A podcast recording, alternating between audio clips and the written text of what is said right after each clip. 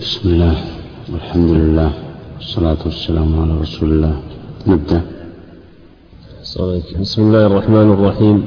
الحمد لله رب العالمين والصلاة والسلام على نبينا محمد وعلى آله وصحبه أجمعين. أما بعد فقال الإمام ابن قدامة رحمه الله تعالى في روضة الناظر وتكون نفيا وإثباتا وتكون مناسبا وغير مناسب. نعم.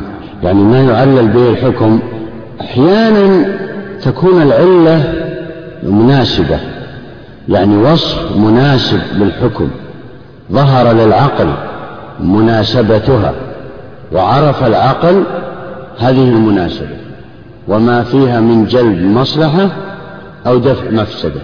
أحيانا العقل يدرك ذلك لكن أحيانا يصعب على العقل أن يدرك ذلك ومع ذلك فيعلل بالعلة المنصوص عليها. لكن لا يدرك ما فيها من جلب مصلحة أو ما فيها من دفع مفسدة. فلذلك يعلل به. مثلا الإسكار علة لتحريم الخمر. الإسكار علة هذا أدرك العقل ما فيه من جلب مصلحة ودفع مفسدة. لكن عندك علة الإفطار في السفر. العلة هي السفر. العلة هي السفر. ويفطر ويجوز يعني ويباح للشخص أن يفطر في السفر وإن لم يجد مشقة. فهنا التعليل في السفر فقط. إذ لو كان العقل أو هذا منوط بالعقل لقيل للشخص الذي يجد مشقة يفطر والذي لا يجد مشقة لا يفطر. ولكن الحكم عام للجميع الواجب للمشقة وغير الواجب. فهذا فهذه علة قاصرة تسمى. لا تصلح للقياس نعم. ويجوز أن لا تكون العلة موجودة في محل الحكم كتحريم نكاح الأمة لعلة رق الولد. نعم. تحريم النكاح للأمة. حرم العلماء أن تتزوج الأمة لأنها إذا تزوجت يقولون وأنجبت سيكون الولد عبد. تبعا لأمه. إذا تزوجت عبدان سيكون الولد عبد تبعا لأمه. والإسلام حث على تحرير الرقاب. حث على تحرير الرقاب. ففي تزويج الآمة تكثير للأرقاء. وهذا منع الشرع منه أو حث على المنع منه. نعم أعد العبارة. ويجوز أن لا تكون العلة موجودة في محل الحكم كتحريم نكاح الأمة لعلة رق الولد. وتفارق العلة الشرعية العقلية في هذه الأوصاف. نعم هذا أوجد فرقا هنا بين العلة العقلية والعلة الشرعية. العلة العقلية آه لا يشترط فيها تلك الشروط. قد تتبين وقد لا تتبين. العلة الشرعية كما قلنا فيما سبق. لكن العلة العقلية لا يشترط فيها أن يتبين مناسبتها للحكم. العلة العقلية. الشرعية تعم وشاملة وعامة لجميع ما ذكر, ما ذكر المصنف هنا. هذه الشرعية. ولكن العقلية لا. لا يعلل العقل السليم إلا بشيء إلا بشيء قد أدركه العقل وأدرك مصلحته ودفع مفسدته. فمثلا العقل يعلل أن هذا الجدار يعرف أن هذا الجدار المائل سيسقط سيسقط. هذا العقل توصل إليه ولم يأمرنا الشرع بذلك. فلذلك ينهى عن الجلوس تحته. هذه هذا الغيم الموجود في السماء سيمطر يغلب على ظنه. من عادة من العادة والعقل الذي السليم الذي رجح ذلك. وهكذا. لا يعلل بالعلة العقلية إلا إذا كان مناسبا. فقط. نعم. فصل. قال أصحابنا من شرط صحة العلة أن تكون متعدية. نعم. قال أصحابنا يقصد الحنابلة. والمقصود بعض الحنابلة وليس كلهم. فالمصنف آه، تساهل في هذه النسبة. نعم. قال لا يجوز التعليل إلا إذا كانت متعدية العلة وهي أصل القياس أصل. لأن العلة قسمان علة قاصرة لا نجدها في أي فرع وفي أي صورة وعلة متعدية نجدها في عدد من الصور. ككون ككون الشيء مكيلا يوجد في البر والأرز والذرة وغير ذلك من الحبوب. أو مطعوما أو مقتاتا أو مدخرا أو موزونا أو معدودا. كلها يوجد في أشياء كثيرة. كعلة الإسكار توجد في أي مسك سواء كان خمر أو نبيذ أو حشيش أو هيروين أو غير ذلك مما هو يسكر. هذه تسمى علة متعدية أما العلة القاصرة فلا يعلل بها. أعد العبارة. قال أصحاب بعض أصحابنا. قال أصحابنا. من شرط صحة العلة أن تكون متعدية. نعم. من شرط صحة العلة يعني أن تكون العلة صحيحة أن تكون متعدية. هؤلاء اشترطوا لهم مخالفون. طبعا سيأتي الكلام عنهم. نعم. فإن كانت قاصرة على محلها كتعليل الربا في الأثمان بالثمنية لم يصح وهو قول الحنفية. نعم. إذا كانت قاصرة فهذه لا يصح التعليل بها سواء كانت تعليلا قاصرا أو متعديا لا يصح التعليل بها. وذكروا الأدلة على ذلك مثل ما مثلوا هنا. يقول لا يجوز الربا في الأثمان عللوا بعلة قاصرة وهي الثمنية كون ثمن لا يجوز الترابي فيه. وهذا غير صحيح. هذا التعليل غير صحيح ليس هو علة عدم جواز الربا في الأثمان أنه ثمن. وإنما هو النقدية كما سيأتينا في في, في أنواع التعليلات نعم. بثلاثة أوجه. أحدها أن علل الشرع أمارات والقاصرة ليست أمارة على شيء. نعم. الأدلة لهؤلاء ثلاثة أدلة. الأول أن العلة المتعدية أمارة على إلحاق الفرع بالأصل بواسطة هذه العلة. يعني بمعنى أن العلة المتعدية ننتفع من ورائها ونعمم الحكم الموجود في الأصل نعممه إلى فروع أخرى. وبهذا نوجد أحكام شرعية للحوادث المتجددة. ونرد على أعداء الإسلام القائلين بأن الإسلام حاجز عن حل القضايا المتجددة بواسطة العلة المتعدية وهو قياسا وهو المقصود بالقياس. أما العلة القاصرة يقولون لا تدل على شيء وليست أمارة على شيء. فلا ينتفع بها إذا لا يعلل بها. إذا لا يعلل بها. كأنه يقول في هذا الدليل يعلل بالمنتفع به ولا يعلل بالشيء الذي لا ينتفع به. كأنه يقول هذا. نعم. أعد الدليل الأول. أحدها أن علل الشرع أمارات والقاصرة ليست أمارة على شيء. نعم فلا يعلل بها. وما دامت أنها ليست أمارة على شيء إذا لا ينتفع بها. نعم. الثاني أن الأصل أن ألا يعمل بالظن لأنه جهل ورجم بالظن وإنما جوز في العلة المتعدية ضرورة العمل بها. نعم. يقول هنا إن الأصل عدم العمل بالظن نهائيا سواء كانت علل أو أدلة أو غير ذلك هذا الأصل. الأصل أن يعمل بالقواطع. والعلل كلها ظنية المستنبطة خاصة ظنية. فإذا كانت العلة القاصرة ليست أمارة وهي ظنية إذا لا نعمل بها على حسب الأصل. ولكن وهذا الأصل جميعا. ولكن اضطررنا إلى العمل بالعلة المتعدية لأجل أن نوجد أحكاما شرعية للحوادث المتجددة ردا على أعداء الإسلام. يعني أخذنا أو استعملنا العلة المتعدية ضرورة. لذلك عملنا بها. أما العلة القاصرة فتبقى على أصلها. ما دام لا نفع فيها وهي ثابتة بالظن أيضا إذا لا نعلل به. هذه العبارة هذا الدليل. والثاني أن الأصل أن لا يعمل بالظن لأنه جهل ورجل بالظن. وإنما جوز في العلة المتعدية ضرورة العمل بها والعلة القاصرة لا عمل بها فتبقى على الأصل. نعم. هذا هو بيان هذا الدليل. لكن هل تسلمون هذا الدليل؟ أن الأصل عدم العمل بالظن؟ هذا غير صحيح. هذا الدليل أصلا غير صحيح من أوله إلى آخره. وأيضا قوله وإنما عملنا بالعلة المتعدية ضرورة. هذه معناه أننا لم نجد دليلا لإيجاد أحكام شرعية للحوادث المتجددة إلا لأجل أن لا نصدق كلام أعداء الإسلام وهذا غير صحيح أيضا. فالعمل بالظن أصل من الأصول أصل. والصحابة كانوا يعملون بالظنون كما يعملون بالقواطع ولا يفرقون بينهما في في العمل.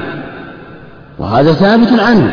فهذا الدليل لا يسلم ولا ينبغي أن ينقدح في الذهن. أنه يعني صحيح أو فيه بعض الصحة. أما الدليل الأول فهو صحيح. نعم. الثالث أن القاصرة لا فائدة فيها وما لا فائدة فيه لا يرد الشرع به. نعم. هذا الدليل يقرب من الدليل الأول أو نتيجة الدليل الأول أصلا. لما قال هناك والقاصرة لا تدل على شيء يعني لا فائدة منها. الدليل الثالث هو نتيجة للدليل الأول. إذا ما استدل هنا إلا بدليل واحد صحيح. يقول لا فائدة بالقاصرة. بمعنى لا نستفيد منها إلحاق الفروع بالأصول ولا نستفيد منها إيجاد أحكام شرعية الحوادث المتجددة. فلماذا نستعملها؟ فلذلك يشترط أن تكون العلة متعدية. نعم. دليل المقدمة الأولى أن فائدة العلة تعدية الحكم والقاصرة لا تتعدى. نعم. فائدة العلة هي تعدية الحكم كما قلنا من الأصل أو تعدي مثل الحكم لا نقول الحكم تعدية مثل الحكم من الأصل إلى الفرع هذه فائدة العلم. وما دام أن القاصرة لا تفعل هذا ولا نستعمل بها ذلك إذا لا يعلل به. إذا يشترط أن تكون متعدية. نعم. ودليل أن فائدتها التعدي أن الحكم ثابت في محل النص بالنص.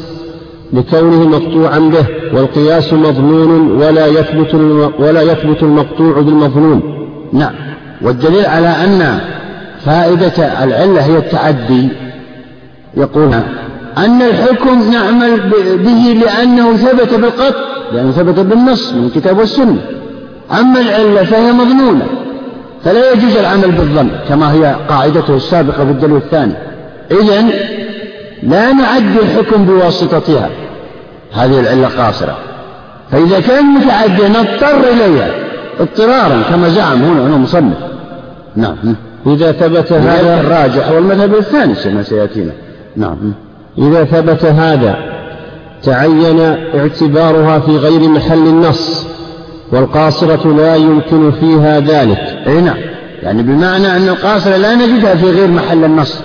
هي موجودة بالنص لا شك. لكن لا نجدها في صور وآحاد وجزئيات وفروع وصور أخرى لا نجدها.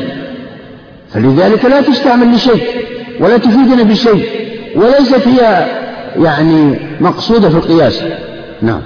فإن قيل فلو لم يكن الحكم مضافا إلى العلة في محل النص لما تعدى الحكم بتعديها. نعم. هذا اعتراض. يقول أنتم زعمتم أن الحكم ثبت بالنص ولم يثبت بالعلة. وهذا وهذا يخل بقياسكم بالأقيسة كلها. فإذا كان الحكم لا يثبت بالعلة التي ألحقتم بواسطتها الفرع بالأصل إذن هناك فرق.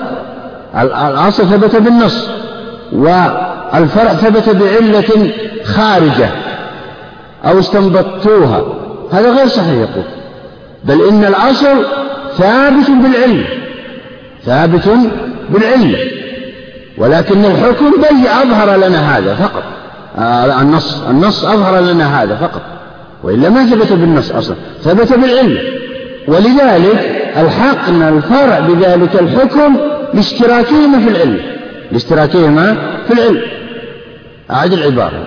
فإن قيل فلو لم يكن الحكم مضافا إلى العلة في محل النص يعني في الأصل يعني ثبت عن طريق العلة لما تعدى الحكم بتعديها لما تعدى الحكم حكم الأصل بتعدي العلة.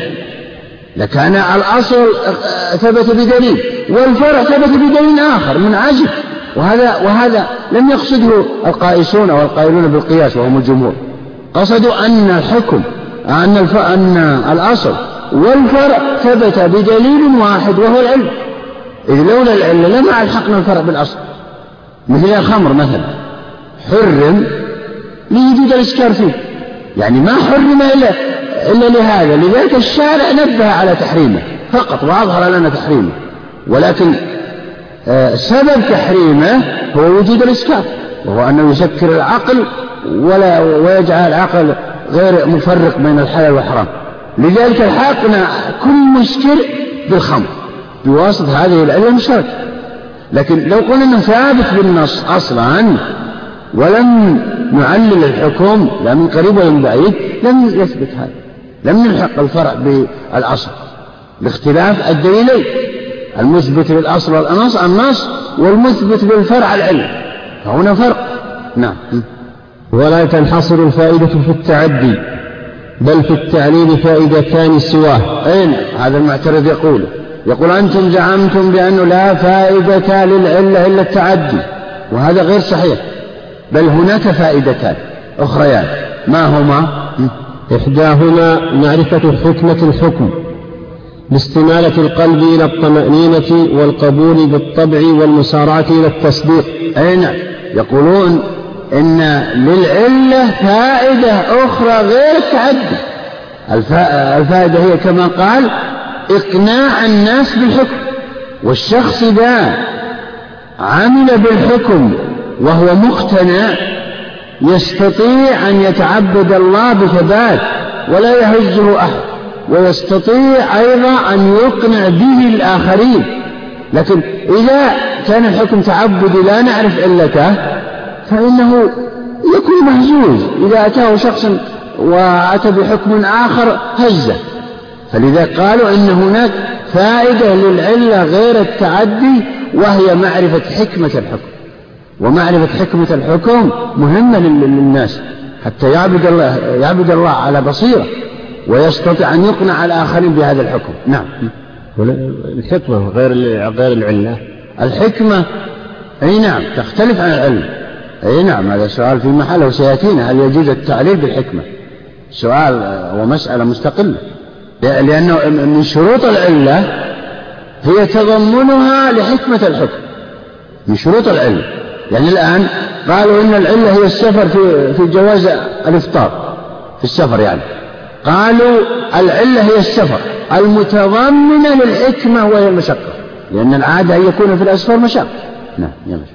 والثانية قصر الحكم. يعني الفائدة الثانية كما قال المعترض قصر الحكم على محلها.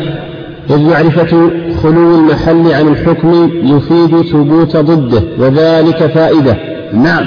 يقولون إن معرفة العلة القاصرة هم الآن أصحاب المذهب الأول هنا يقولون إنه, لا إنه يشترط, يشترط في التعليل أن تكون العلة متعدية يقول المخالف لا يشترط هذا الشرط بل هناك للتعليل بالقاصرة فائدتان الفائدة الأولى ذكرها أولا.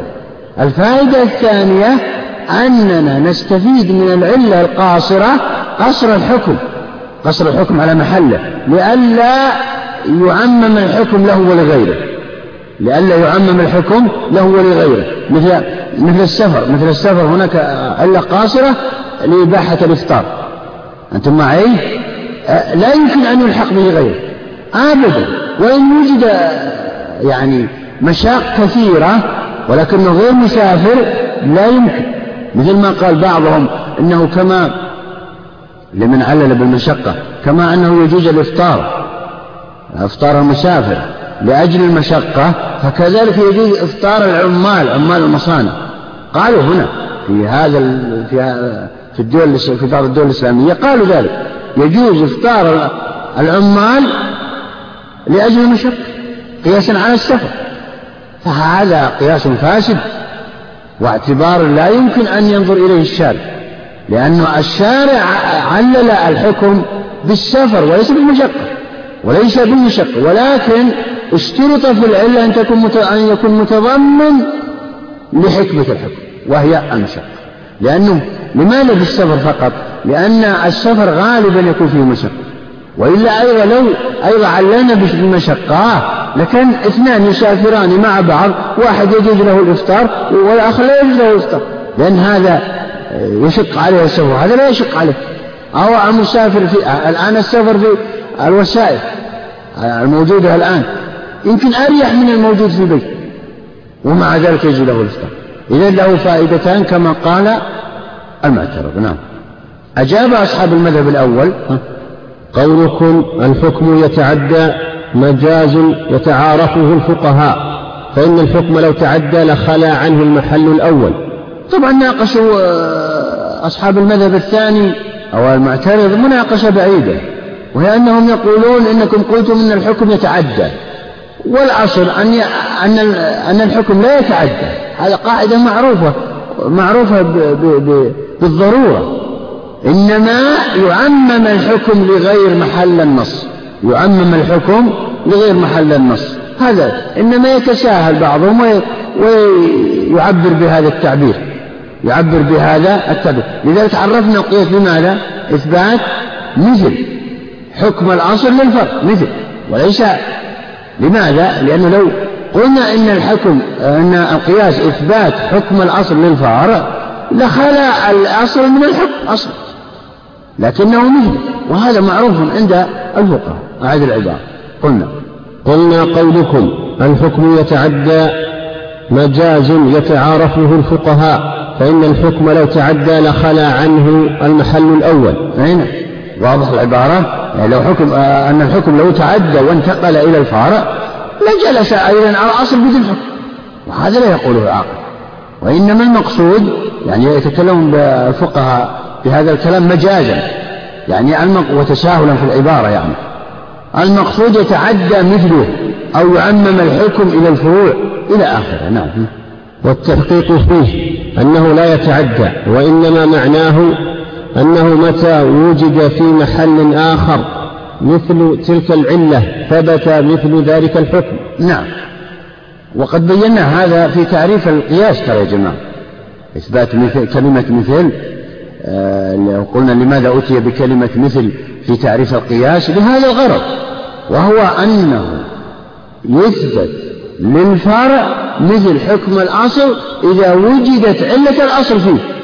إذا وجدت علة, علة الأصل في الفرع فهنا نعطي الفرع حكما مثل الأصل مثل حكم الأصل نعم.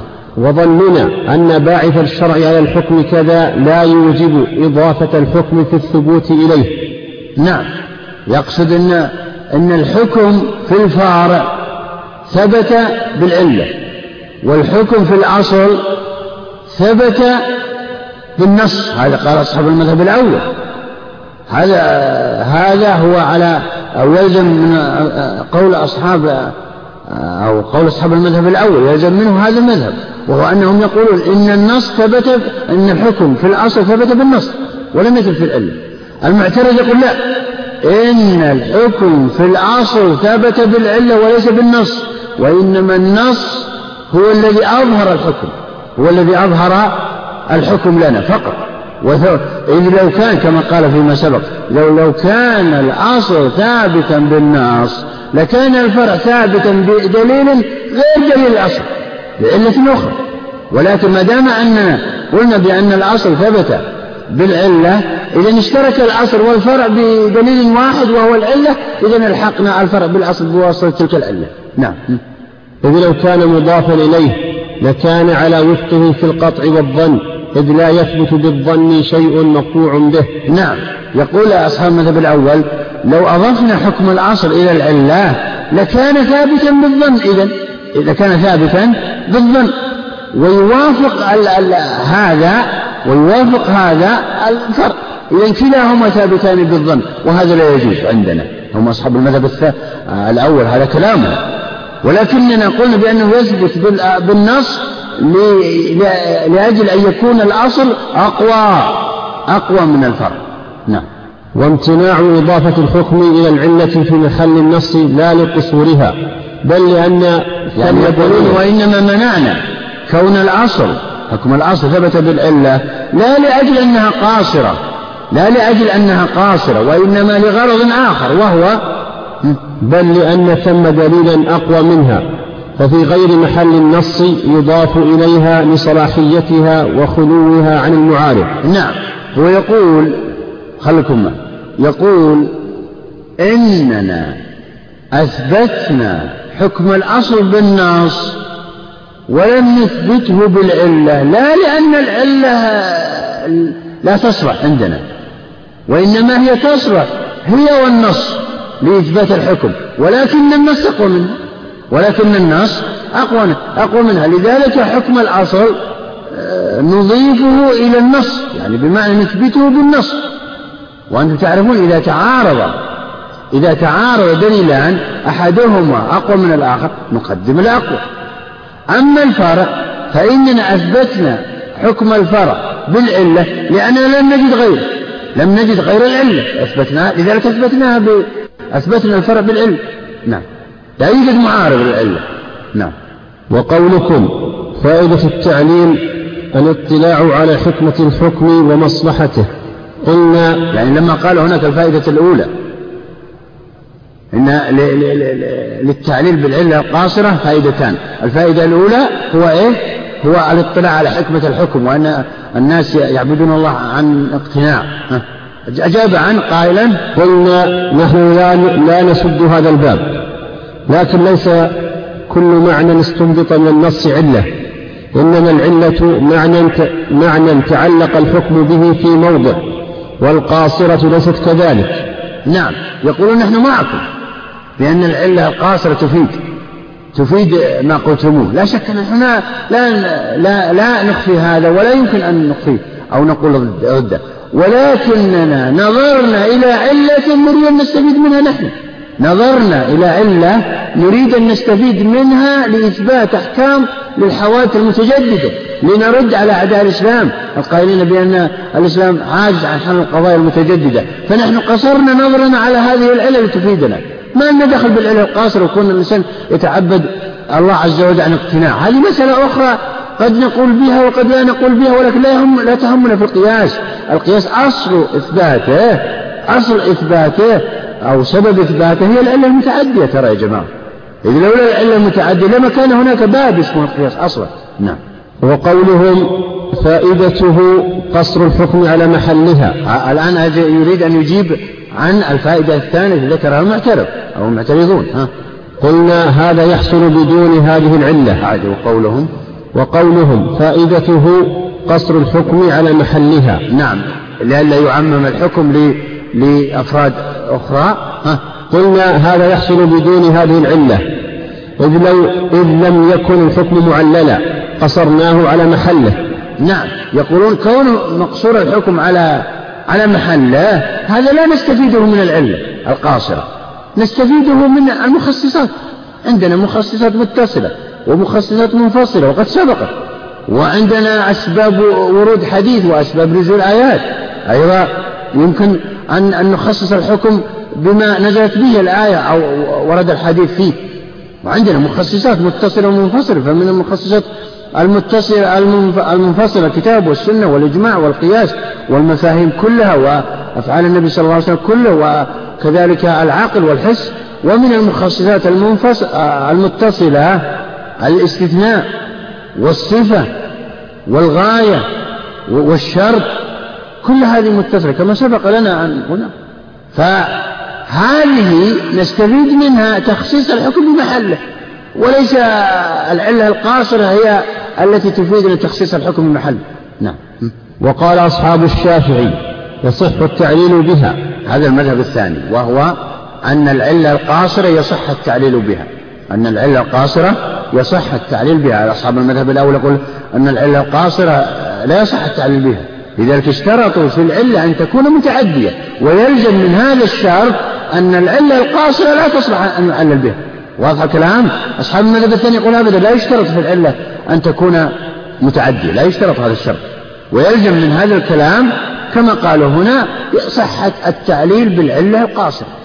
وقال أصحاب الشافعي يصح التعليل بها وهو قول بعض المتكلمين واختاره أبو الخطاب. إي نعم قوله واختاره أبو الخطاب يدل على أن قوله هنا قال أصحابنا أنه قال بعض الحنابلة وليس كل الحنابلة. واضح المقصود؟ أي نعم. وأبو الخطاب من أئمة الحنابلة. نعم. لثلاثة أوجه. أحدها أن التعدية فرع صحة العلة فلا يجوز أن تكون شرطا. فإنه يفضي إلى اشتراط تقدم ما يشترط تأخره. نعم. يقول هنا في دليلهم الأول على أن القاصر يعلل بها أو يجوز أن يعلل بها أو ينظر إليها في التعليل. يقول إننا كيف نعرف أن هذه العلة متعدية أو قاصرة أصلا كيف نعرف؟ ما نعرف إلا بعد أن نعرف أن الحكم معلل أولا. ثم بعد ذلك نستنبط العلل. ثم بعد ذلك نختبر العلل والصبر والتقسيم هناك كما قلنا هناك. ثم بعد ذلك يثبت أن بعض العلل قاصرة وبعضها متعدية. إذا التعليم بالعلة القاصرة طريق إلى معرفة العلة المتعدية يعني لها فائدة عظيمة. كون نعرف أن الحكم معلل ولا نعرف العلة المتعدية إلا بعد معرفة العلة القاصرة. لأن كلمة السبر والتقسيم أن نحصر ما, ما يمكن تعليل الحكم به أولا. ثم بعد ذلك نختبر العلل. فإذا أبطلناها كلها فإن الحكم تعبدي. وإن أبطلنا بعضها دون البعض فإن البعض الذي لم نبطله هو العلة للحكم ثم ننظر في هذه العلل أيضا هل هي متعدية أو قاصرة؟ فإن كان لها أمثلة في, في الوجود وفروع فإنها علة متعدية وإن لم يكن لها فإنها علة قاصرة. لذلك طريق معرفة للعلة المتعدية هو معرفة العلة القاصرة. فلذلك يجوز التعليل بها. أولا ها أعد الدليل أحدها أن التعدية فرع صحة العلة. أن التعدية فرع صحة العلة. لأن التعدية يأتي بعد معرفتنا للحكم هل هو معلل أو غير معلل. نعم. فلا يجوز أن تكون شرطا فإنه يفضي إلى فلا يجوز أن تكون التعدية شرطا. ها؟ لماذا؟ قال فإنه يفضي إلى اشتراط تقدم ما يشترط تأخره. نعم. يعني بمعنى أنتم تشترطون التعدية قبل أن نعرف العلة. قبل أن نعرف العلة. وهذا غير صحيح لأن اشتراط التعدية ينبغي أن يكون بعد. بعد معرفتنا هل هذا الحكم معلل أو غير معلل؟ أصلا نعم. وذلك أن الناظر ينظر في استنباط العلة. الناظر وهو المستدل؟ ها؟ أن الناظر ينظر في استنباط العلة وإقامة الدليل على صحتها بالإيماء والمناسبة. نعم يعني ينظر هل الحكم معلل أو ليس بمعلل وهذا قد سبق في فيها الكلام في مسألة العلة. هل ثبتت العلة بالنص أو بالإجماع أو بأي نقل أو بالإيماء أو بالتنبيه أو بالوصف المناسب أو بالدوران أو بالسبر والتقسيم. هذه كلها ننظر فيها. قبل أن نعرف هل هي تتعدى ولا ما تتعدى هذه مسألة أخرى. بعد آخر المطاف. نعم. لذلك يقولون إن العلة المتعدية هي زبدة زبدة كلام الشارع أو زبدة زبدة ما يلتفت إليه من كلام الشارع. وهو هل هو معلل أو غير معلل؟ أصلا. نعم. لأن باب القياس ثبت فيه ثلاثة أرباع الفقه. والقياس أصلا ثبت عن طريق التعدية أو غير التعدية إذا التعدية الزبدة نعم. أو يضمن المصلحة المبهمة ثم ينظر فيها فإن كانت أعم من النص عداها وإلا اقتصر. نعم. ينظر إلى هذه المصلحة. هل هي قاصرة على محلها فقط؟ كون العلة قاصرة. أما إذا كانت عامة وتشمل عددا من الفروع والجزئيات فهنا يقول أن العلة متعددة. هذا هو الفرق بينهما. يعني إذا كانت المصالح المصلحة عامة وشاملة فإنها تتعدى إلى عدد من الصور والجزئيات. أما إذا كانت العلة فقط أو المصلحة خاصة في محل واحد فإن هذا دليل على أنها قاصرة. نعم. فالتعدية فرع الصحة. فكيف يجوز أن تكون من جملة المصحح؟ نعم فالتعدية فرع الصحة. فكيف تكون من جملة المصحح؟ هذا لا يمكن.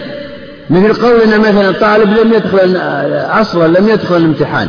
هل نسأله هل نجحت ولا ما نجح أنت تعرف أن هذا الطالب لم يدخل الامتحان.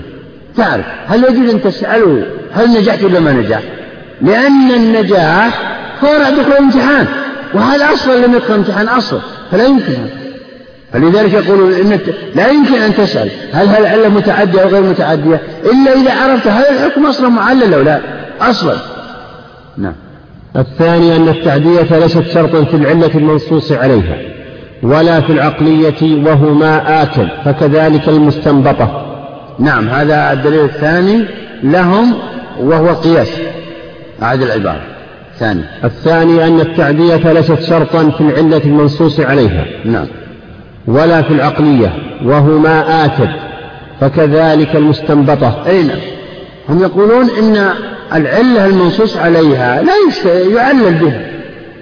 إنما جعل الاستئذان من أجل البصر. آه نهيتكم عن ادخال لحوم الأضاحي من أجل الدافة وهكذا. فهنا العلة المنصوص عليها. يعلل بها مع أنها قد تكون قاصرة وقد تكون متعدية لم يشترط فيها أن تكون متعدية فقياسا على ذلك العلة المستنبطة والجامع بينهما أن كل منهما علة شرعية.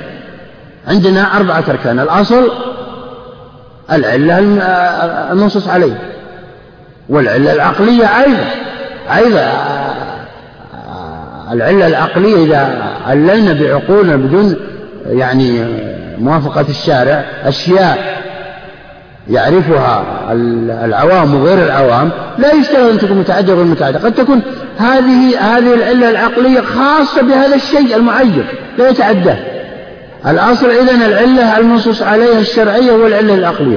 الفرع العلة المستنبطة. العلة الجامعة بينهم أن كل منهما علة يعلل به.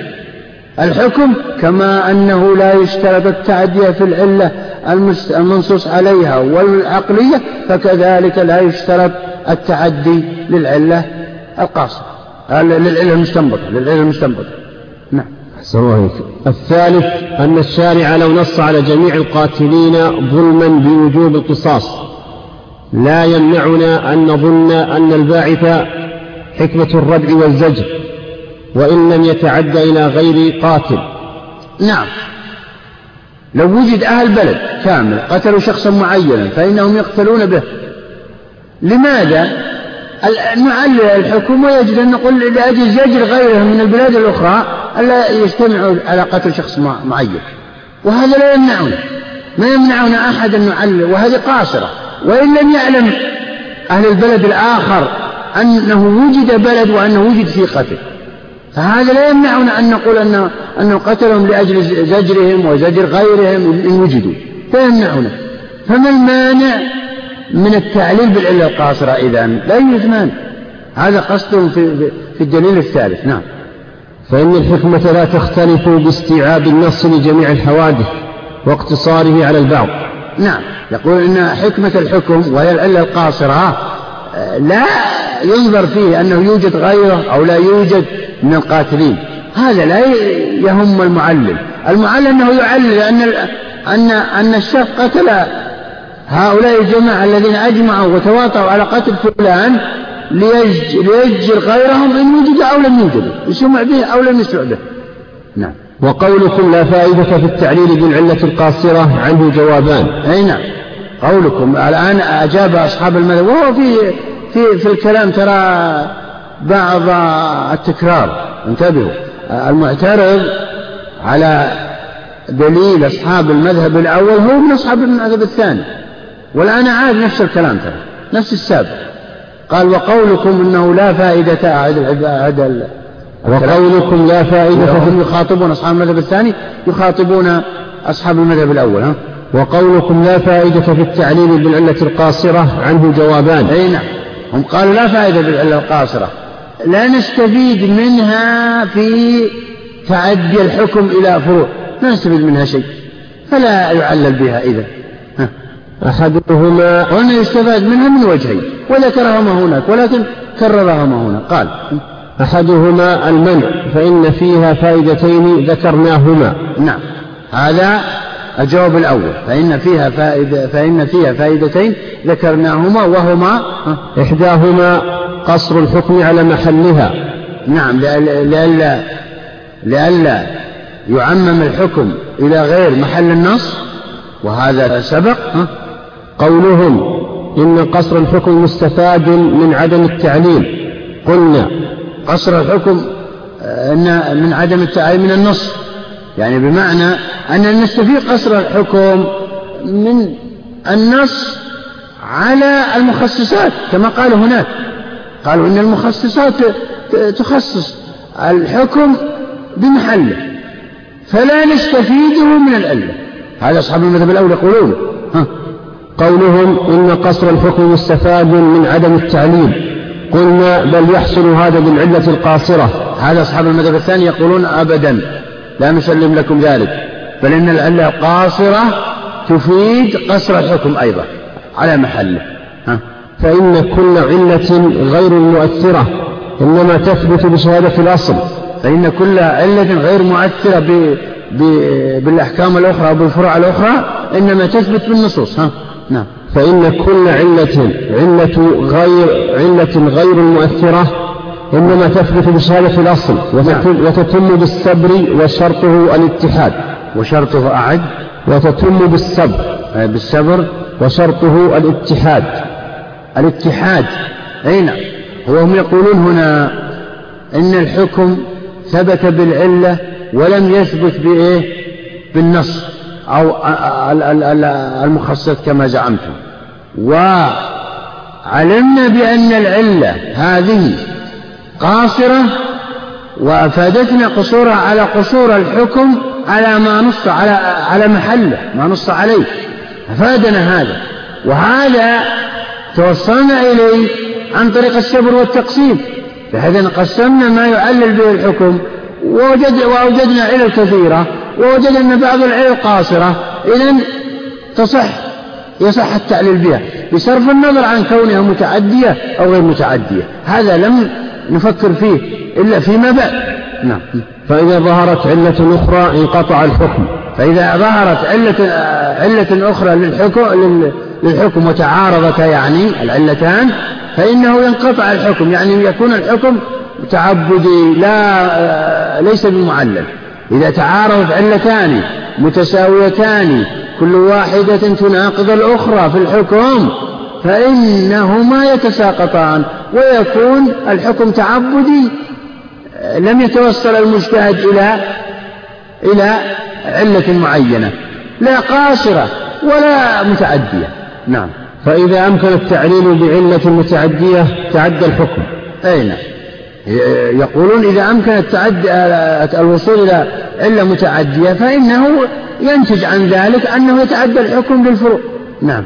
فإذا ظهرت علة قاصرة عارضت المتعدية ودفعتها وبقي الحكم مقصورا على محلها ولولاها لتعدى الحكم. أي نعم. هنا جت الزبدة. يقول إننا عندنا علتان. علة متعدية. واستعملناها. ثم ظهرت علة قاصرة.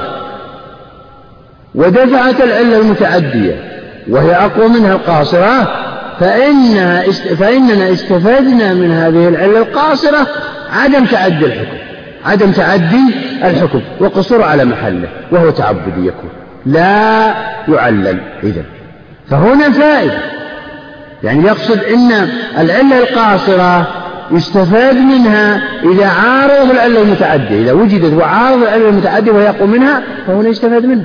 إذا منعت العلة المتعدية من أن نعديها إلى آه، صور وأجزاء وفروع. نعم. والثانية معرفة باعث الشرع وحكمته. الثانية يعني الفائدة الثانية لم يقل هناك إن لها إن للعلة القاصرة فائدتان الفائدة الأولى معرفة حكمة الحكم الثانية إيه؟ معرفة باعث الشرع وحكمته. الأولى الأولى إيش؟ قصر الحكم على محله. على محله. إذا إذا انعكس ذكر هناك معكوس هنا ترى. انتبه. ذكر الفائدة الثانية الأولى هنا. والثانية هناك أو الأولى هناك ذكرها الثانية هنا. فالفائدة الثانية قال معرفة معرفة باعث الشرع وحكمته. معرفة حكمة الحكم. ها. ليكون أسرع إلى التصديق وأدعى إلى القبول. فإن النفوس إلى قبول الأحكام المعقولة أميل منها إلى قهر التحكم ومرارة التعبد. نعم. وهذا ذكرناه هناك أن أن من فوائدها معرفة حكمة الحكم ومعرفة حكمة الحكم تفيد تفيد للمتعبد أو للعامل بهذا الحكم الاقتناع بهذا الحكم. والنفوس دائما تميل إلى العمل بالمقتنع به قاعدة معروفة. ثم إذا اقتنع الإنسان بالحكم كما قلنا يستطيع أن يقنع غيره به. نعم.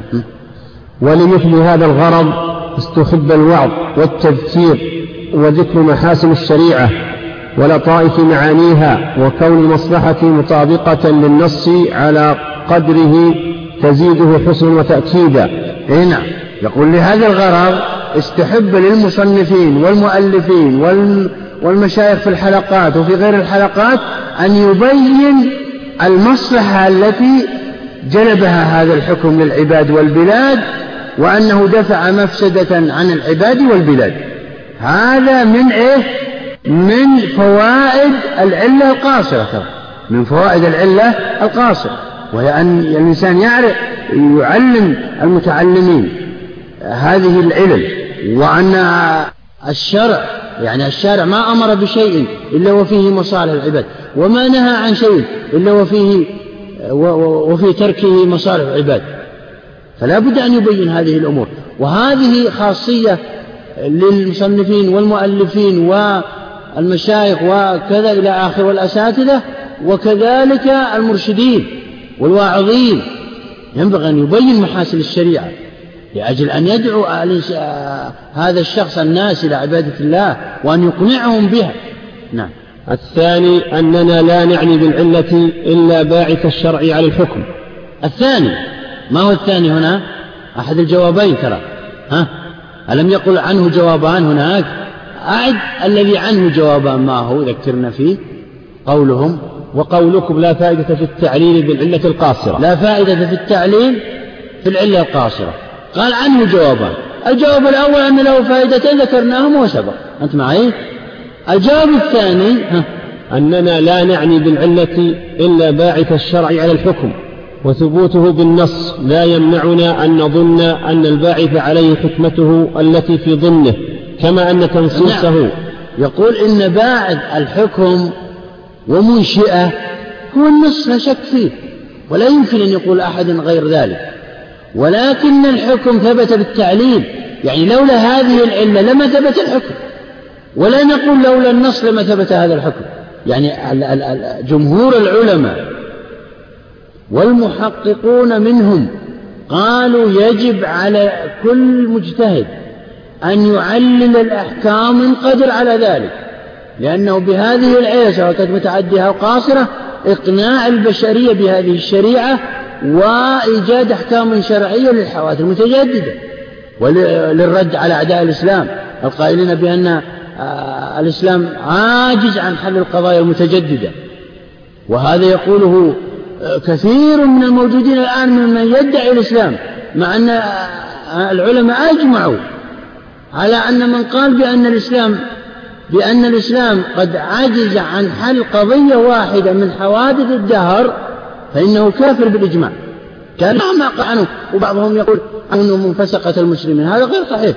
الفاسق لا يكفر. نعم. كما أن تنصيصه على رخص السفر لا يمنعنا أن نظن أن حكمتها دفع مشقته. أي نعم. يعني بمعنى أن الحكم يقولون ثبت بالعلة يعني ثبت تحريم الخمر لأجل الإسكار. لا لأجل أن الله قال ذلك.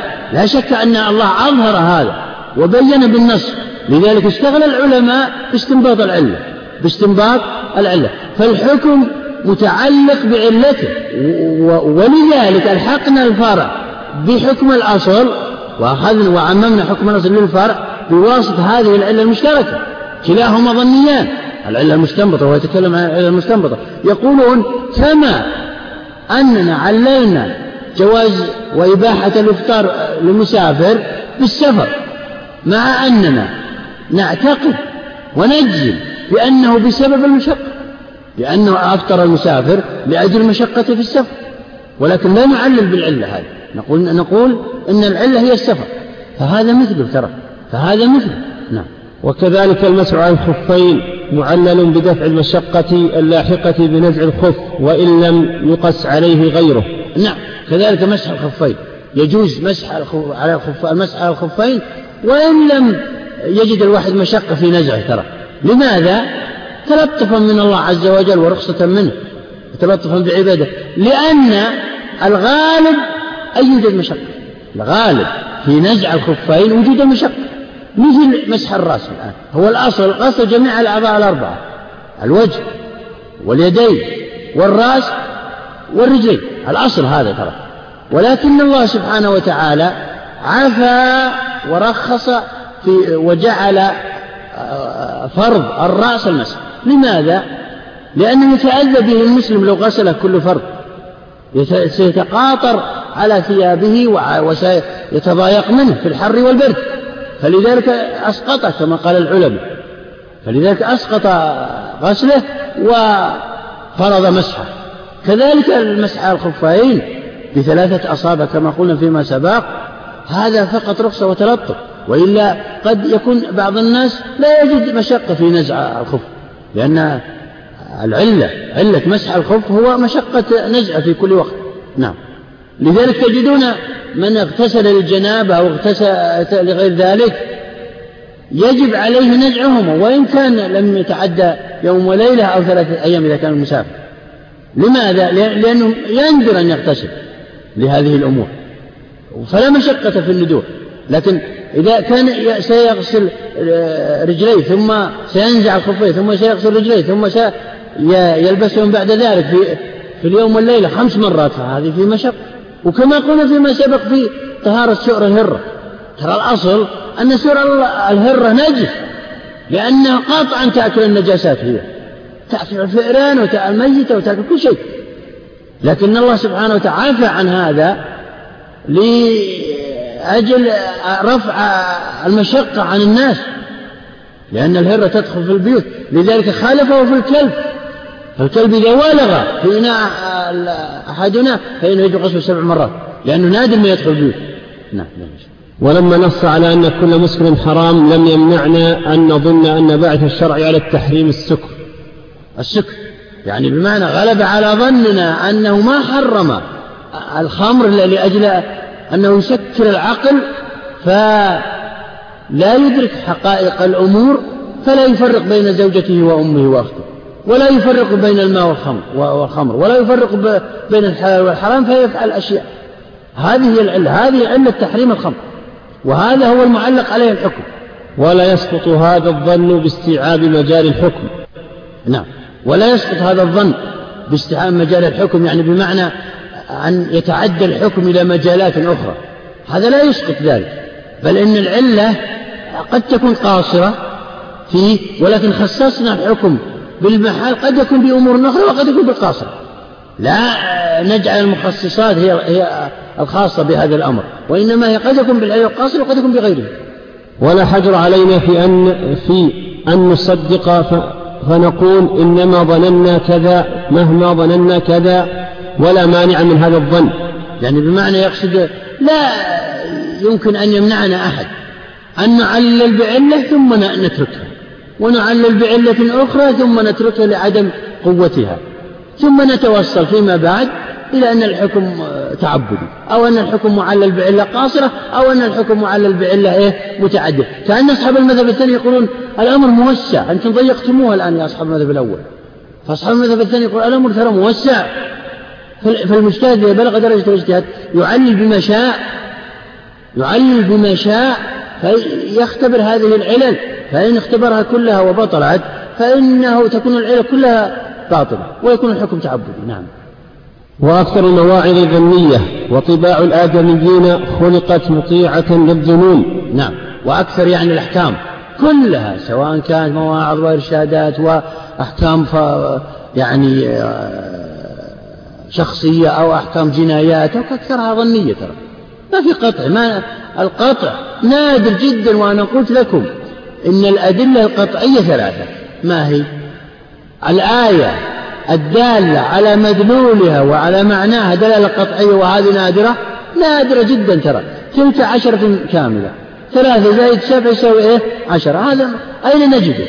إلا بهذه الآية وما شابهها.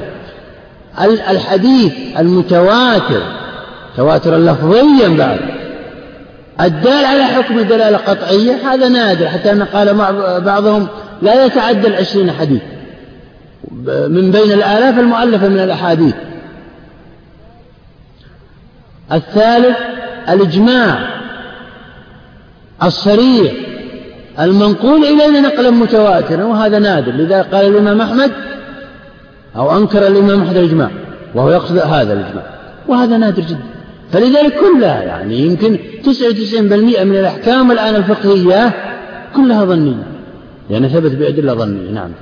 وأكثر بواعث الناس على أعمالهم وعقائدهم الظنون. لا شك لا شك. الأعمال الإنسان لو لو لم يعمل إلا بالقطعيات لتقطعت السبل ولا ما عاش الإنسان في كل شيء ترى.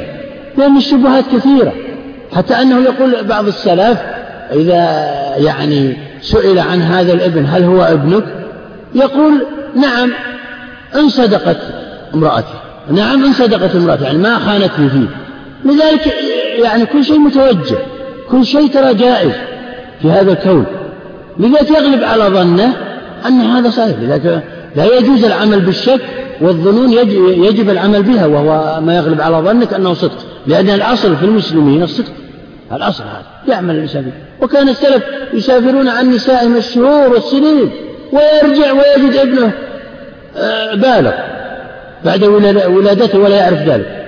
لو كان العمل بالظن غير جائز لظن الظنون وما أكثرها. نعم. قولهم لا نسمي هذا علة. قلنا متى سلمتم قولهم يعني قول أصحاب المذهب الثاني الأول لا نسمي هذا علة يعني العلة القاصرة لا نسميها علة. ها؟ قلنا متى سلمتم أن الباعث هذه الحكمة وهي غير متعدية وجب أن يقتصر الحكم على محلها. نقف على قولهم. وصلى الله على نبينا محمد. قولهم لا نسمي هذا علة. قلنا نعم لا زلنا في مسألة هل يشترط في العلة التعدي أم لا. يعني هل يجوز التعليل بالعلة القاصرة أم لا. اختلف العلماء في ذلك على قولين.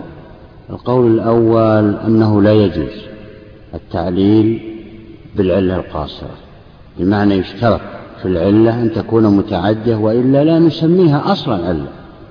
القول الثاني أنه لا يشترط هذا الشرط فيجوز التعليل بالعلة القاصرة آه، لكنها لا تصلح للقياس لكنها لا تصلح للقياس.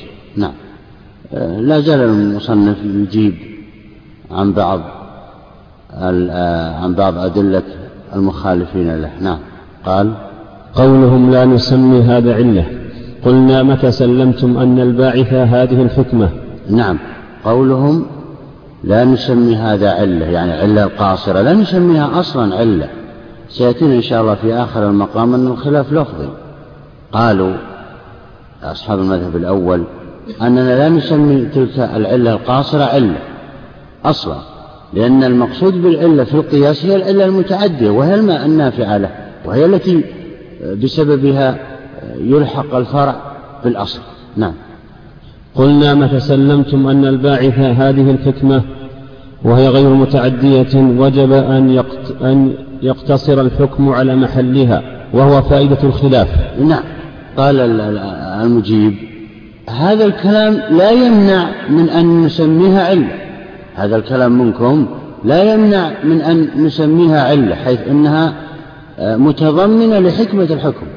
وما سبق آه، بين أن التعليل بالعلة القاصرة له فائدتان له فائدتان.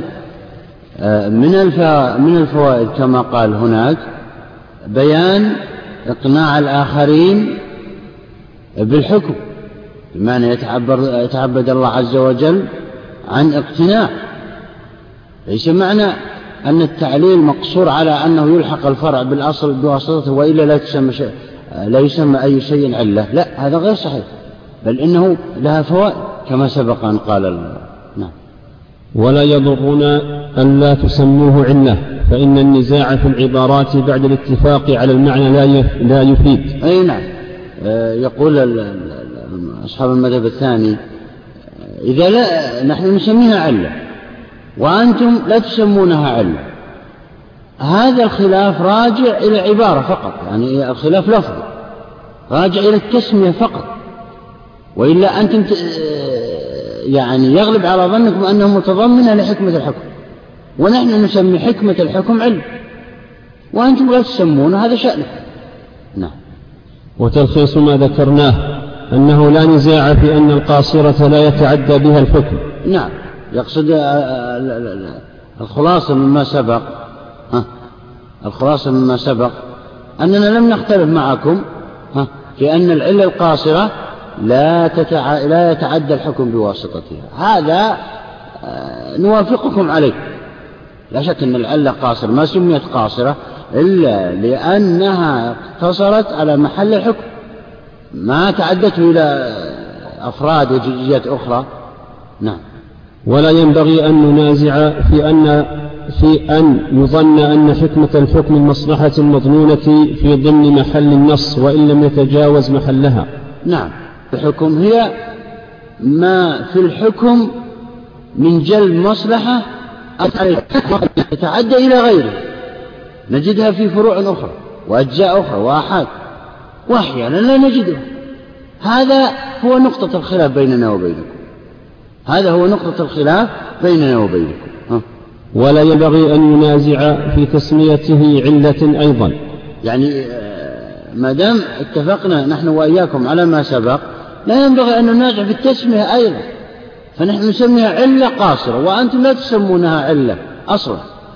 فهي متضمنة لجلب مصلحة أو دفع مفسدة وهذا هو تعريفكم للعلة هناك. هو الوصف الظاهر المنضبط المشتمل على مصلحة جلب مصلحة أو دفع مفسدة. هذا هو تعريفكم للعلة. والعلة القاصرة فيها نوع فيها هذا التعريف ترى. لكنها لا لكنها لكننا لم نجدها في محال أخرى. هذه مسألة خلافية أخرى مسألة أخرى لا نتكلم عنها. كأن المجيب يتكلم في هذا. نعم. ولا ينبغي أن ينازع في تسميته علة علة أيضا لأنه بحث لفظي لا يرجع إلى المعنى. نعم. يعني الخلاف لفظي لا يرجع إلى المعنى لأننا اتفقنا نحن وإياكم على انطباق تعريف العلة عليها.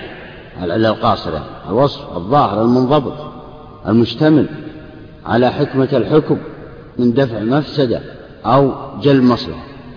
ولا شك أننا نتفق أيضا في مسألة معكم في أمر آخر وهو أنها فيها جل مصلحة وفيها دفع مفسدة. تسمونها أنتم لا تسمونها إلا هذا شأنكم ونحن نسميها علة نعم. فيرجع حاصل النزاع إلى أن الحكم المنصوص عليه إذا اشتمل على حكمتين قاصرة ومتعدية هل يجوز تعديته؟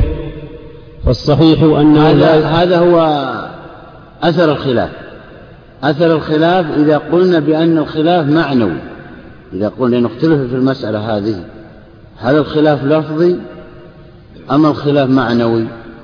وذكرت هذه المسألة من ضمن آه، مسائل الخلاف اللفظي في كتاب مطبوع.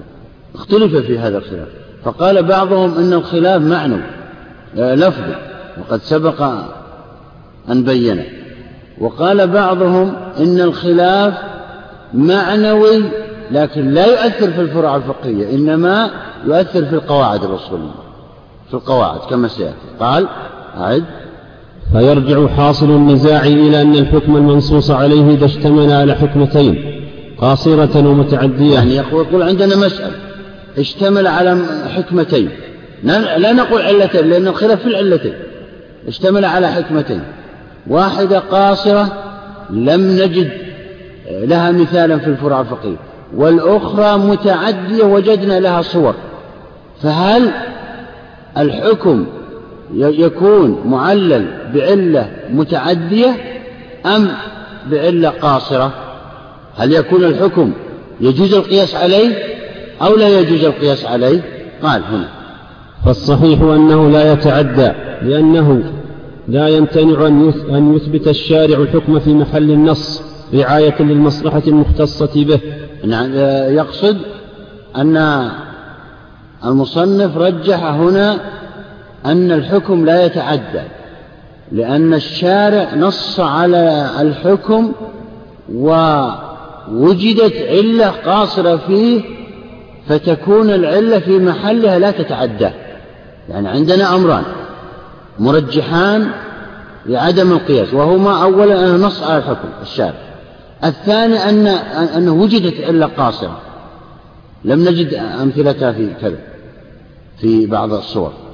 فهنا لا يتعدى أو رعاية للمصلحتين جميعا.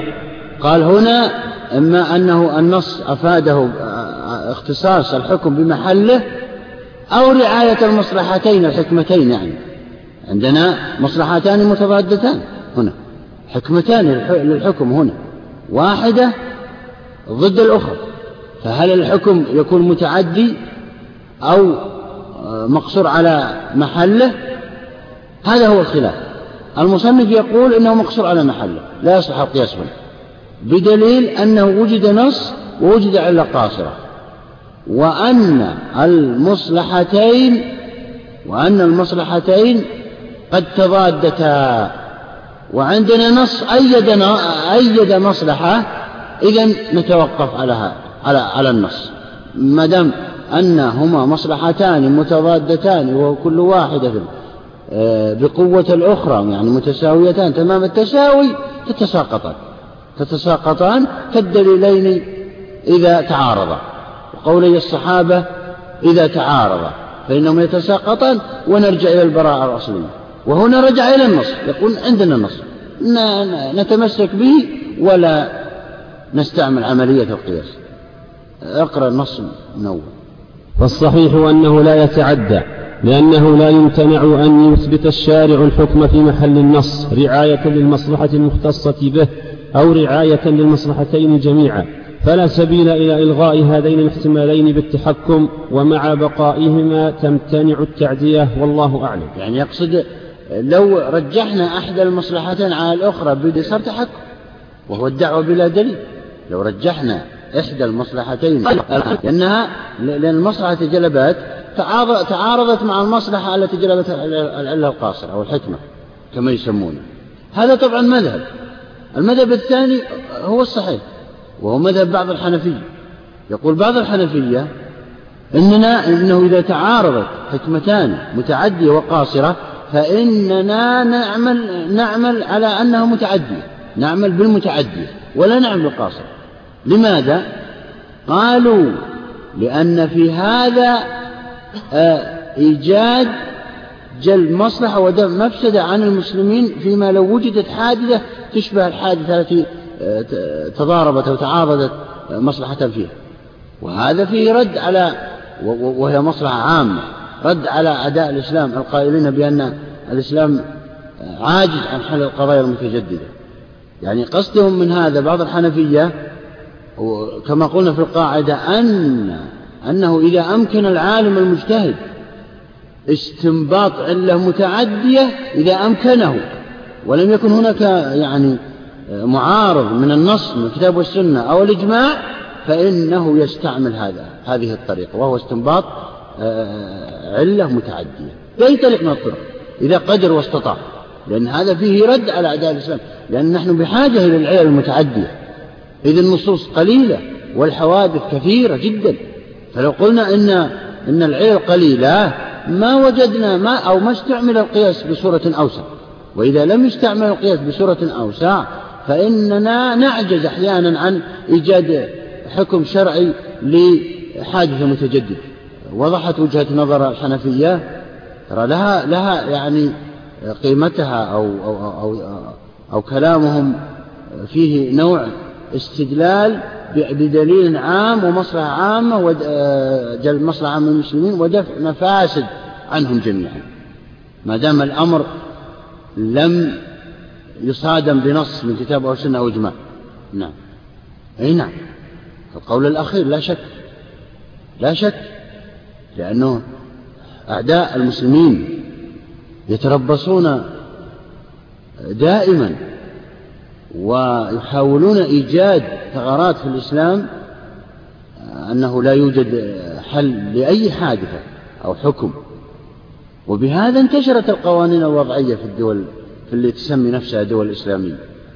وهم كفار بإجماع المسلمين بإجماع السلف. تركوا كتاب الله وراء ظهورهم وسنة نبيه ويحكمون القوانين الوضعية. القاتل لا يقتل والزاني لا يرجم ولا يجلد ولا كذا ولا والسارق لا يقطع ويسمون أنفسهم دول إسلامية لذلك انظر إلى الضعف الظاهر في هذه الدول التي تسمي نفسها دول إسلامية. نعم. فلذلك كلام الحنفية متوجه إلى المصالح العامة للمسلمين وليست خاصة. يعني قالوا نرجح أنها متعدية لهذا الغرض. وانظر إلى تعليلهم العام مهم جدا. ينبغي على أن, أن, أن يكون على بال المجتهد دائما إيجاد علل إذا لم تعارض بكتاب أو سنة. نعم. فصل في اضطراد العلة وهو استمرار حكمها في جميع محلها. نعم هذه مسألة أيضا من المسائل المختلف فيها. اضطراد العلة يعني إذا عللنا بعلة ووجدت في بعض الفروع والحقنا هذه الفروع بالأصول بواسطتها. لكن وجدت في بعض الفروع ومع ذلك كان له حكم خاص جاء بالكتاب أو السنة. فهل هذا يفسد العلة؟ أم لا؟ يعني بمعنى آخر هل يشترط في العلة اضطرادها وهو أن تكون في كل محل إذا وجدت في كل محل فإنه يجب أن نلحق هذا الفرع بذلك الأصل بواسطتها. وإذا تخلف الحكم مع وجود العلة فإن هذا دليل على بطلان العلة. أم القول الثاني هذا القول الأول. والقول الثاني قالوا لا يشترط هذا. إذا وجدت في أغلب المحال والمواضع فإنها تصلح أن تكون علة. وإن خولفت في بعض المواضع وإن خولفت في بعض المواضع لدليل مخصص أخرج ذلك ذلك الحكم عن وإن وجدت العلة. وضح الكلام ننظر إلى كلام العلماء فيه. حكى أبو حفص البرمكي في كون ذلك شرطا لصحتها وجهين أحدهما عند الحنابلة وجهين عند الحنابلة نعم. أحدهما هو شرط فمتى تخلف الحكم عنها مع وجودها استدللنا على أنها ليست بعلة إن كانت مستنبطة. نعم. اختلف العلماء في هذه المسألة. خلاف العلماء في العلة المستنبطة. العلة المنصوص عليها أجمعوا على أنها إذا لم توجد في محل فهذا لا يؤثر عليها فهذا لا يؤثر يعلل بها. ولكن المصنف لم يذكر تحرير محل النزاع وإلا الخلاف هو في العلة المستنبط. نعرف كل منهم العلة المنصوص عليها المقصود بها أن ينص الشارع على العلة نصا صريحا أو نصا ظاهرا. مثال النص الصريح كنت نهيتكم عن ادخال لحوم الأضاحي من أجل الدافة أما الآن فكلوا وادخروا وتصدقوا. من أجل الدافة نصها. آه إنها ليست بنجس إنها من الطوافين عليكم والطوافات. يقصد سور الهرة. وهذا علة ظاهرة. وهكذا. هذه علة تسمى منصوص عليها. نصا ظاهرا أو نصا صريحا أما العلة المستنبطة فهي التي لم ينص الشارع عليها لا نصا صريحا ولا نصا ظاهرا وإنما استنبطها المجتهد. وإنما استنبطها المجتهد باجتهاد.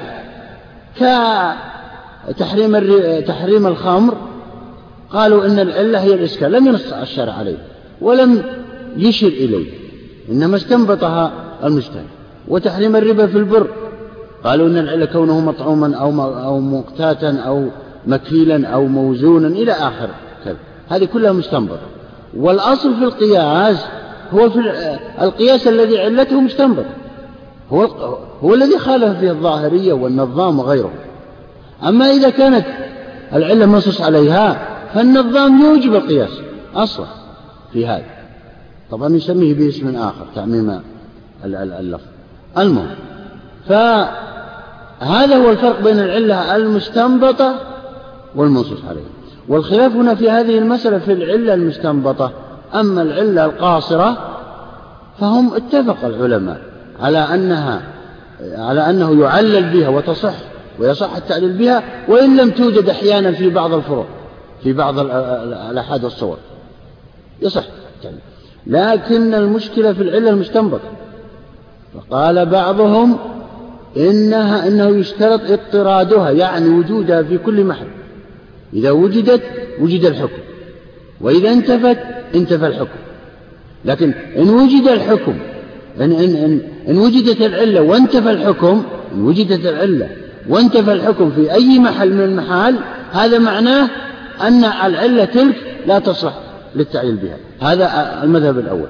المذهب الثاني يقول لا إنها إذا وجدت العلة في كثير أو في أكثر المحال والمواضع والفروع والجزئيات والصور هذا يصلح التعليل بها وإن لم توجد وإن تخلفت عن بعض الأمور وأن وجد, وجد الحكم أو وجدت العلة ولم يوجد الحكم هذا لا يؤثر عليها هذا لا يؤثر عليها.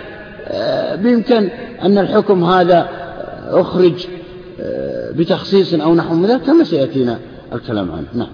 فمتى تخلف الحكم عنها مع وجودها استدللنا على أنها ليست بعلة إن كانت مستنبطة أو على أنها بعض العلة إن كانت منصوصا عليها.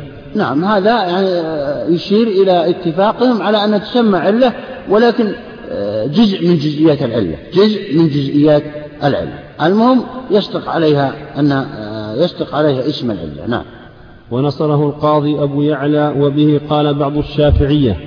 والوجه الآخر تبقى الوجه الآخر في المذهب الحنبلي؟ تبقى حجة فيما عدا المحل المخصوص كالعموم إذا خص. يقصد لا يشترط يعني لا يشترط اضطراد العلة فإنها تبقى حجة في الموجودة فيها. وإذا وجدناها ولم نجد الحكم معناه أن الحكم مخصص وإلا هي موجودة لكن خصص وأخرج كالمخصصات كما سبق المتصلة والمنفصلة مخصصات النصوص يعني. لا فرق يقول لا فرق بين العلة هنا كدليل وبين العموم والخصوص هناك في النصوص. نعم. هذا أصحاب المذهب الثاني. نعم. اختاره أبو الخطاب وبه قال مالك والحنفية وبعض الشافعية بوجهين أحدهما أن علل الشرع أمارات والأمارة لا توجب وجود حكمها معها أبدا بل يكفي كونه معها في الأغلب الأكثر كالغيم. يعني يقصد من هذا أننا الدليل الأول القياس. القياس على الأمارات وهي الأدلة يعني. الأدلة والعلامات والعلامات. فإن نستدل بأن هذا علامة على هذا إذا وجد في أكثر الصور دونها كلها يعني. وإذا تخلفت عن بعض الصور لا يؤثر عليه كالغيم هنا قد يكون ممطر وقد لا يكون لكن الأكثر أنه يمطر. الأكثر أنه يمطر لذلك لذلك يستدل به على المطر. دائما. لم يقل أحد كون كون هذا الغيم لم يمطر في الزمان الفلاني أو في الأمس معناه أنه لم يمطر, لم لن يمطر اليوم. لا يقول ذلك أحد. بل دائما يستدلون على أن الغيم سيمطر. لذلك يتجهزون ويدخلون بعض الأمور التي تتأثر في المطر وإن لم تمطر أمس بالأمس. لأن هذا لم يؤثر في التعليل بالغيب هذا. العبارة قال كالغيب كالغيم الرطب في الشتاء أمارة على المطر. طبعا الغيم الرطب في الشتاء. هنا فيه كأنه كأن تلك شروط.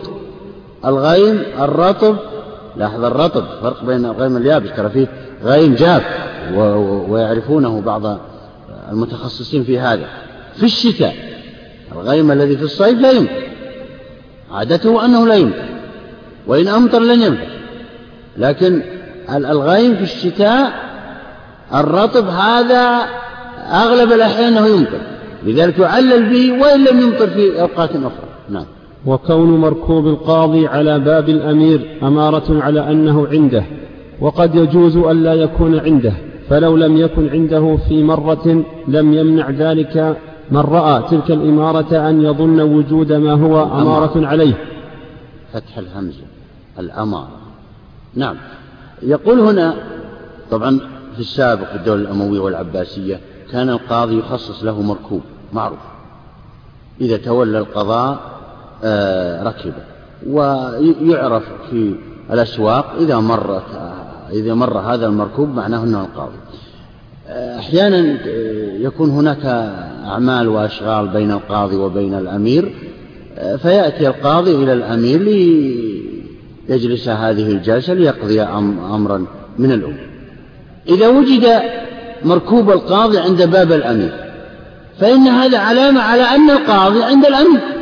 نفس القاضي وليس خادم أو واحد من كذا. لكن أحيانا يأتي بعض خدم القاضي أو بعض يعني الذين يشتغلون بالمحكمة مثلا في محل القضاء في مركوب القاضي لأجل يؤدي أوراق أو لأجل ختم أو نحو من ذلك. لكن هذا لم يؤثر. في كونهم يحكمون بأن القاضي عند الأمير لأن العادة أن لا يركب هذا المركوب إلا القاضي. لكن الآن يختلف الوضع. نعم. الثاني أن ثبوت الحكم على وفق المعنى المناسب في موضع دليل على أنه العلة. الثاني من الأدلة على أن العلة تبقى حجة فيما بقي بعد التخصيص وهو أنه لا يشترط يعني هذه أدلة أصحاب المذهب الثاني انتبهوا. وهو أنه لا يشترط اضطراد العلم. يعني قد توجد في أكثر الأمور لكن قد لا توجد في بعض الأمور هذا لا يؤثر عليها قد توجد يعني بمعنى توجد في هذا المحل لكن لا يوجد الحكم هذا لا يؤثر على العلة آه من الأدلة قال ثاني من الأدلة. ثاني أن ثبوت الحكم على وفق المعنى المناسب في موضع دليل على أنه العلة بدليل أنه يكتفى بذلك. نعم. يقول هنا إنه ما دام أن الوصف المناسب يعني معنى الوصف المناسب كما سبق بيانه هو ما في الحكم من جلب مصلحة أو دفع مفسدة. ما دام أنه موجود هنا الوصف هذا المناسب للحكم ما المانع من التعليل بالعلة؟ وإن لم توجد في بعض الصور. ما في مانع. كأنه يقول كأنه يستدل بالتلازم هنا.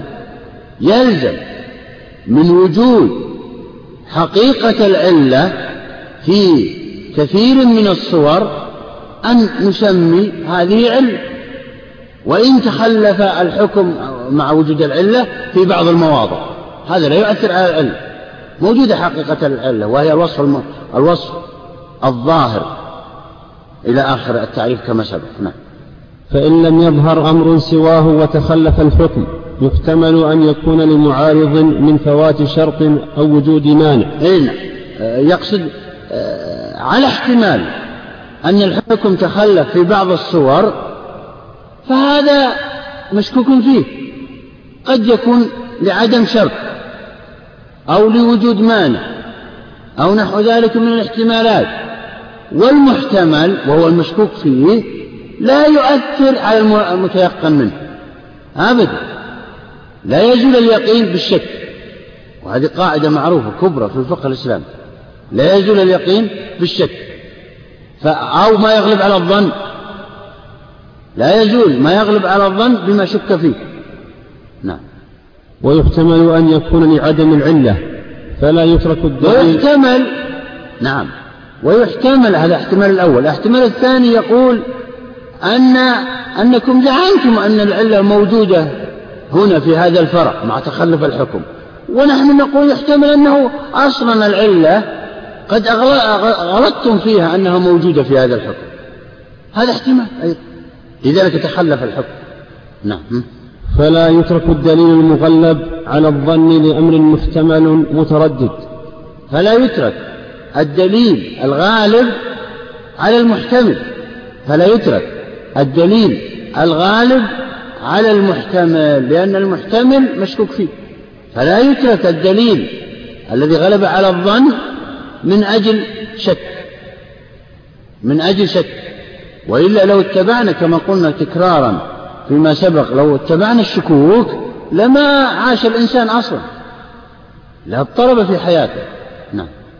فإن قيل نفي الحكم لمعارض نفي للحكم مع وجود سببه وهو خلاف الأصل ونفيه لعدم العلم. فإن قيل فإن قيل نفي الحكم لمعارض نفي للحكم مع وجود سببه وهو خلاف الأصل. نعم. يقولون إذا انتفى الحكم مع وجود علته فإن هذا خلاف الأصل. وإن وجد معارض فإن هذا خلاف الأصل. الأصل أنه إذا وجدت العلة وجد الحكم.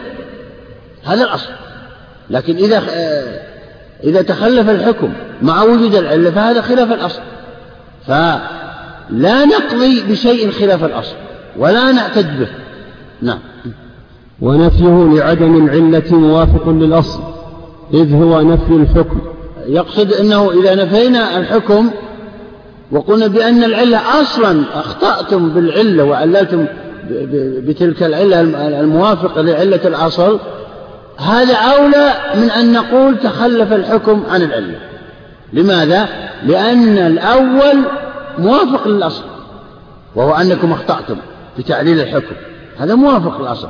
لكن كونكم تقولون وجدت العلة وتخلف الحكم هذا خلاف الأصل. نعم. ونفيه لعدم العلة موافق للأصل إذ هو نفي الحكم لانتفاء دليله فيكون أولى. نعم. فيكون أولى يعني بمعنى أنه تخلف الحكم لأن العلة لم توجد في أصل. فانتفى الحكم نظرا أو بسبب انتفاء علته ودليله. هذا موافق للأصل وهو أولى من القول بأن الحكم تخلف مع وجود علته. أولى من قول نعم. قلنا هو مخالف للأصل من جهة أخرى. وهو أن, وهو أن فيه نفي العلة مع قيام دليلها والأصل توفير دليل المقتضي على المقتضى فيتساويان ودليل العلة ظاهر والظاهر لا يعارض بالمحتمل المتردد. نعم.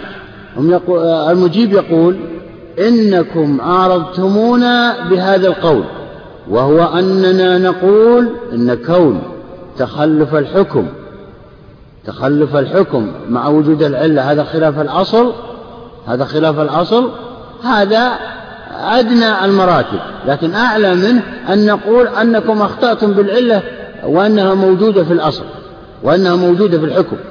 أخطأتم بهذا هذا أولى لأنه موافق للأصل المجيب يقول إني أقول عكس ما تقولون أنتم وقولي هذا مع قولكم متساوية. يعني بمعنى أن تخلفه عن تخلف الحكم مع وجود العلة هذا آه، موافق للأصل بحيث أنه إيه؟ خرج بدليل آخر بدليل أقوى من العلم بدليل أقوى من العلم. هذا موافق للأصل من, من كما سيأتينا إن شاء الله في الباب الآتي وهو الخارج عن سنن القياس. يعني بمعنى أنه آه، هل يقاس على شيء هل هل يعني شيء خرج عن قاعدة القياس؟ أم لا؟ كالعراية مثلا. هل يقاس عليه العنب وغيره كما سيأتينا؟ آه، ستأتينا المسألة. هذا موافق القياس لأنه خرج الحكم بدليل أقوى من إيه؟ من العلة ترى هذا الموضوع يا جماعة فيه نوع دقة ونوع صعوبة وأصعب ما في الشريعة هو موضوع العلة واختلاف العلماء فيها. نعم. قال وفرق قوم بين العلة المنصوص عليها وبين المستنبطة وجعل نقض المستنبطة مبطلا لها. آه هذا طبعا مذهب آخر في هذه المسألة. فرق قوم بين العلة أعد. وفرق قوم بين العلة المنصوص عليها وبين المستنبطة وجعل نقض المستنبطة مبطلا لها. وإن كانت ثابتة بنص أو إجماع فلا يقدح ذلك فيها. نعم. يقول هنا إن العلة إذا كانت ثابتة بالنص إن الحكم إذا كان ثابتا بالنص واستنبطنا العلة بحيث أن الشارع لم يشر إلى العلة لا بنص صريح ولا بنص ظاهر. فإن إن كان الحكم منصوص عليه و أو مجمع عليه. ولم نجد تلك العلة في بعض الفروع فإننا نتمسك بأن العلة قاصرة ولا يعد الحكم. بمعنى أننا أن تأخر الحكم مع وجود العلة هذا يؤثر في التعليل يؤثر في المتعدي. وهي المستنبطة هنا. نعم. يعني هذه أحد أحد مبطلات العلة الطريقة هذه. أي نعم. هو, هو أصل الكلام فيها. يعني أحد مبطلات العلة أن تكون غير مضطردة هذا على أصحاب على أصحاب أو على قول من قال بالمذهب الأول يعني. نعم. أما أصحاب المذهب الثاني فلا يشترطون هذا الاضطراب نعم. المسألة هذه. أيوه. لا هو الثاني لا شك. سيأتينا. سيأتينا. وإن كانت ثابتة بنص أو إجماع فلا يقدح ذلك فيها لأن كونها علة عرف بدليل متأكد قوي. هو الآن يكرر ما قلناه. الآن هو ترك تحرير محل النزاع هناك وهو ذكر به هنا وهو أنه إذا كانت العلة منصوص عليها فلا يؤثر تخلفها في بعض المواضع عليها. لا يؤثر عليها تخلفها في بعض المواضع إذا كانت منصوص عليها. أما إذا كانت مستنبطة فيؤثر. فيؤثر. هذا مذهب ثالث ترى. إي نعم أنا ما يعني ما بينت مذهب ثالث. فرقوا بينهما. مع أنه كثير من العلماء ذكروا الإجماع على أن العلة المنصوص عليها ليس فيها